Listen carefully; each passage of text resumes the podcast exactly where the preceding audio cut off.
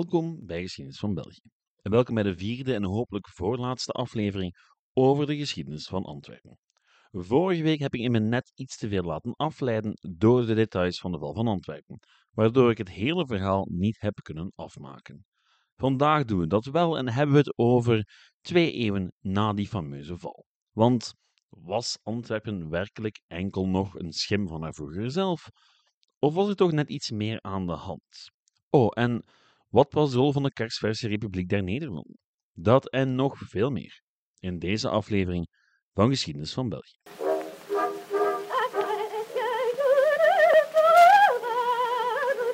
Goed, eventjes wat administratie voor we verder gaan met het beleg van Antwerpen.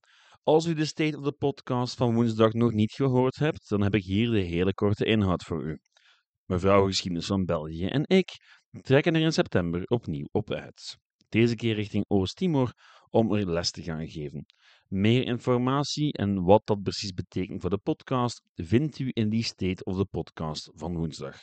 Wie op de hoogte wil blijven en het project wil steunen, vindt het document op de Facebookpagina waar u uw gegevens kunt ingeven.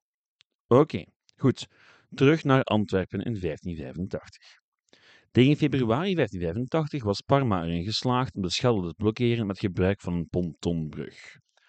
Die brug van schepen en vlotten probeerden de Antwerpenaren de vlucht in te blazen met een superschip, de Finis Belly. Een schip dat zo ongelooflijk ambitieus was dat het natuurlijk volledig onbestuurbaar was en nooit zelfs maar in de buurt kwam van de brug. Dat was in mei 1585. Al gaven nog de Antwerpenaren nog hun bondgenoten het onmiddellijk op. Trouwens, ik moet me verexcuseren. In al mijn enthousiasme over de Finis Belly ben ik vorige week een belangrijk onderdeel van het verhaal vergeten. Namelijk dat men in april al een serieuze poging had gedaan om een einde te maken aan de blokkade van de Schelde in de vorm van twee schepen, de Fortuin en de Hoop.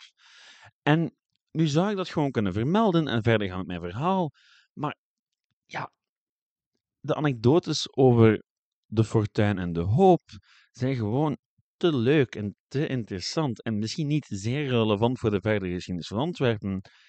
Ik kan het niet laten. Ik ga het toch met u delen. Goed, dus. De Fortuin en de Hoop. Dat waren geen normale schepen. Het waren origineel twee handelsboten van zo'n 70 ton, die waren omgebouwd tot drijvende bommen door Italiaans ingenieur Federico Giambelli. Ik had het het vorige aflevering al over hem. Nu, Giambelli was door Elisabeth I van Engeland naar Antwerpen gestuurd om er de Antwerpenaren bij te staan met raad en daad. En Giambelli die kreeg een geweldig idee. Vuurschepen. Nu, vuurschepen op zich was niet zo nieuw. Dat waren boten die in brand werden gestoken en dan op de vijand werden afgestuurd.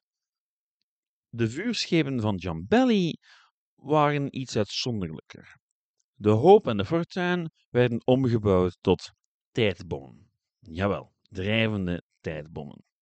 Een Antwerpse horlogemaker was erin geslaagd om klokwerk zo af te stellen dat het een mechanisme in gang kon steken van een heleboel verzamelde explosieven kon ontstoken worden.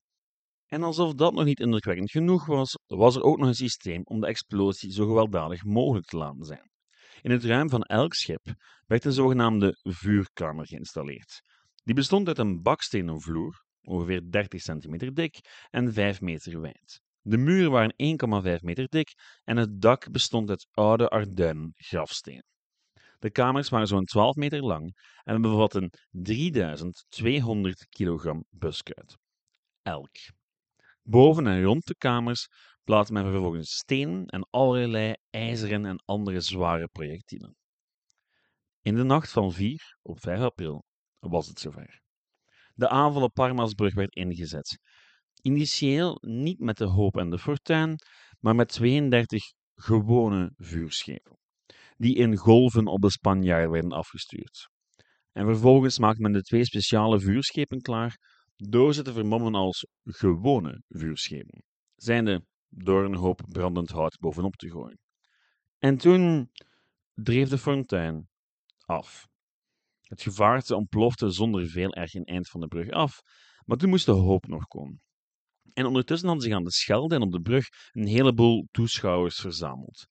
De branders hadden nog weinig schade aangericht en dus heerste er een gemoedelijke sfeer. Spaanse soldaten, maar ook Antwerpse burgers waren naar de kade gekomen om te kijken.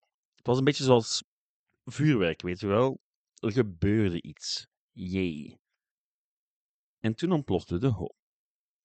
De hoop had wel de brug bereikt en was stil komen te liggen en klotste gewoon wat aan tegen de brug. En dus werd ze onderzocht door Spaanse soldaten, die echter niet op tijd kwamen om het ontstekingsmechanisme uit te schakelen. Het is echt bijna een film. En dus ontplofte op tijd de hoop. Damiano Strada, een Spaans historicus, beschreef de ontploffing als volgt. Het dodelijke schip barstte met zo'n afgrijselijke knal dat het leek alsof de hemel naar beneden kwam vallen. Het onderste werd gemengd met het bovenste. Zelfs de aardbol leek te sidderen. Na het bliksem en donderen viel er een stortregen van kogels. Er volgde een zonderlinge nederslag, dat niemand zou geloven dat het gebeuren kon als het niet gebeurd was. De schelde, wonderbaarlijk opgapende, scheen eerst de diepten van haar grond te ontbloten en sloeg daarna over de dijken. De beweging van de springende aarde strekte 9000 stappen uit. Nu, Strada schreef dat een tijdje na de feiten. Maar onze oude vriend Ludovico Guicardini, die waarschijnlijk wel in de buurt was, beschreef de ontploffing als volgt. In het Middel-Nederlands. Gevende zo vreselijk een slag, dat hemel en de aarde scheen te vergaan, ook mede in het water, dat het water over den dijk vloog en vulde het fort van Callot en de, de velden rondom tot men daar tot de knieën in het water stond, en de alle vijer en de lonten uitbluste. Het aantal slachtoffers zou tussen de 1000 en 1300 doden bedraagd hebben. Zowel Spanjaarden als Staatsen hadden doden te betreuren. Parma zou, volgens de legende, zelf maar nipt aan de dood ontsnapt zijn. Maar wat met de brug? Want ja, die brug was nu eenmaal het doel van de hele aanval. Wel, er was een gat. Een gat van zo'n 61 meter. Wat eigenlijk niet bijster groot was voor een brug die iets van een 750 meter lang was. Dus ja, binnen drie dagen was die hersteld. En in die dagen was er geen teken te bekennen van een Nederlandse vloot. En dus was op de dode Spaanse soldaten na de hele oefening voor niks geweest. Maar er kwam wel nog één poging om Antwerpen te redden. Wat ons brengt tot de slag op de Kouwensteinse dijk. Het was een dijk met erop een lange vesting die door de ondergelopen polders liep op sommige plaatsen niet meer dan drie meter breed. En het doorsteken van die dijk, dat was de laatste hoop van de opstandelingen. Want als die dijk werd doorstoken, zou de Schelde uit zijn oever stromen. Het water zou zich een weg banen door het gat in de dijk. En zo konden de opstandelingen toch Antwerpen bereiken. En de stad bevoorraden met graan in de eerste plaats. Maar het lukte maar niet. De Finis Belli, dat meest Antwerpse schip aller tijden, liep vast tijdens de eerste poging. En de tweede poging was dan ook ietsje meer beredeneerd. Ze kwam namelijk van twee kanten. In tegenstelling tot de poging met de hoop en de fortuin had men nu wel afgestemd met elkaar. En zowel Antwerpenaren als opstandelingen probeerden dus de Kouwensteinse dijk tegelijkertijd aan te vallen, te bezetten en te doorsteken. En dat lukte. Bijna. Op die smalle dijk wisten zowel de Antwerpenaren als de noordelijke mannen te landen. Bij landing moest een deel van die mannen de aankomende Spaanse troepen afhouden en een ander deel beginnen met het afgraven van de dijk.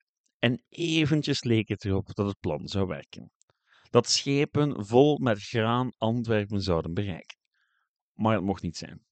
Parma gooide alles wat hij had in de strijd en langzaam maar zeker werden de opstandelingen teruggeduwd, tot hen niks anders meer restte dan of in het water te springen en vast land proberen te bereiken, of te vechten voor hun leven.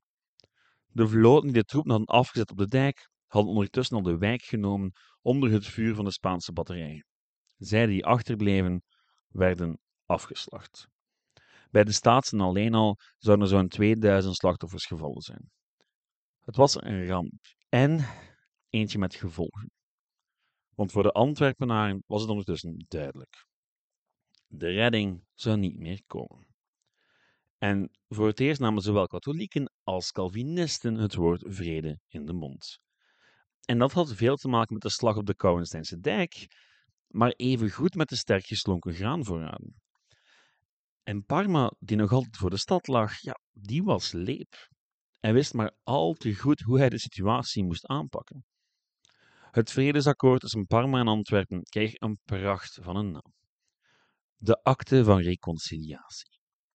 Antwerpen zou zich onderwerpen aan het gezag van de koning en opnieuw een uitsluitend katholieke stad worden. Maar protestanten en opstandelingen die dat wouden, mochten de stad verlaten. Meer zelfs, ze kregen vier jaar om hun zaakjes in orde te brengen en mochten goederen en geld meenemen. En dat is eigenlijk een heel genereuze deal van Farnese. Het is ook een deal die hem zal toestaan om de stad Antwerpen te behouden en de bevolking aan zijn kant te krijgen. Want ja, hij was de overwinnaar, maar hij was een overwinnaar met een hart en een zeer goed werkend brein, denk ik persoonlijk. Want er was natuurlijk ook een prijskaartje aan de vrede. Zo'n 400.000 gulden om precies te zijn. Op 17 augustus 1585 was het beleg van Antwerpen voorbij. Tien dagen later kwam Parma de stad binnen. Nog wat later ging hij ontbijten op zijn fameuze brug. En vervolgens werd ze ontmanteld. En toen kon Antwerpen beginnen aan een nieuw hoofdstuk van haar geschiedenis. Al was dat nieuwe hoofdstuk nog heel erg verbonden met alles wat tevoren was gekomen. Want ja, het noorden liet Antwerpen niet zomaar los. En het is niet zo dat de dingen terug konden gaan naar de situatie van voor de opstand. Tot in 1638 waren er pogingen vanuit het noorden om Antwerpen te heroveren, maar het mocht niet zijn. Antwerpen en de Republiek moesten zonder elkaar verder, en dat zou logischerwijze zeer grote gevolgen hebben. Wat ons brengt tot de sluiting van de Schelde.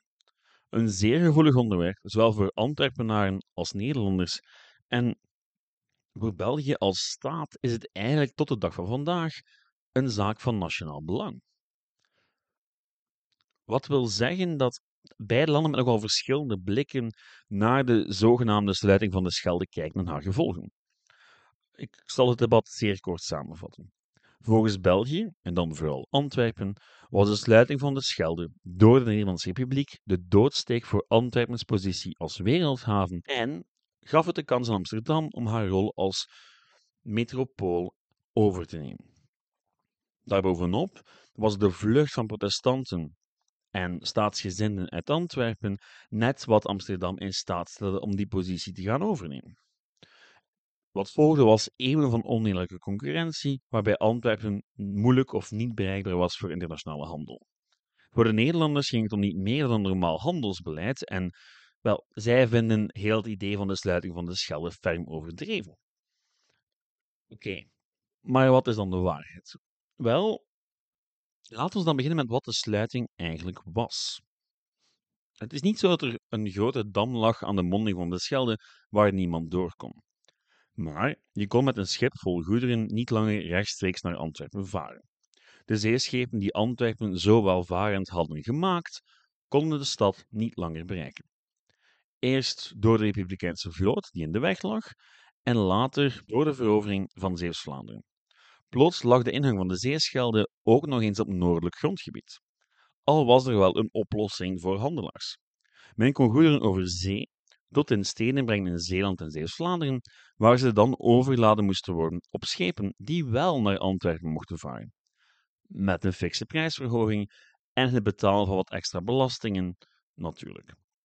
Nu, die licenten of doorvoervergunningen brachten zowel de Spanjaarden als de Nederlanders nog heel wat geld op. Maar ze hadden natuurlijk zeer veel impact op de bereikbaarheid en de winstgevendheid van Antwerpen. Al was er volgens de Nederlanders niks vreemd aan dat beleid. Zo ging dat nu eenmaal in die tijden met handel tussen verschillende landen. Waar ze natuurlijk voorbij gaan aan het simpele feit dat men in Antwerpen en Gent, want ook Gent had te lijden onder die sluiting, lang geen last had gehad van dat soort taksen of de verplichting om goederen over te laten. Gent, Antwerpen, Zeeland, Zeeuws-Vlaanderen hadden zeer lang onder dezelfde heerser gezeten. Dus van al dat taxgedoe en overlaatgedoe hadden zij helemaal geen last gehad. Dus in hun ogen was die verandering, die plotse verandering, na het verliezen van de opstand de reden voor een grote economische achteruitgang en de opgang van de ander. Dus ja, dat de sluiting geen impact heeft gehad op de positie van Antwerpen is weinig waarschijnlijk. Maar, toegegeven, er waren midden de 16e eeuw al tekenen dat de stad het misschien moeilijk zou krijgen. Antwerpen was immers vooral een haven voor luxe producten, zoals specerijen, en dus ook gevoelig voor internationale marktschommelingen. En na een heleboel artikels gelezen te hebben, lijkt het me redelijk logisch dat de sluiting van de Schelde een belangrijke rol heeft gespeeld in de relatieve teleurgang van de positie van de stad als handelsmetropool. Of Nederland met de sluiting de stad ook echt onrecht heeft aangedaan, is een andere discussie. Er bestaan heel wat academische werken over dit onderwerp, omdat het nog steeds relevant is voor discussies over de rol van de Schelde en wie verantwoordelijk is voor de bevaarbaarheid ervan. Maar dat is geen geschiedenis meer. En op de positie van de Schelde komen we volgende week nog terug. Laat ons nu even kijken, met de tijd die ons rest, naar Antwerpen in de 17e en 18e.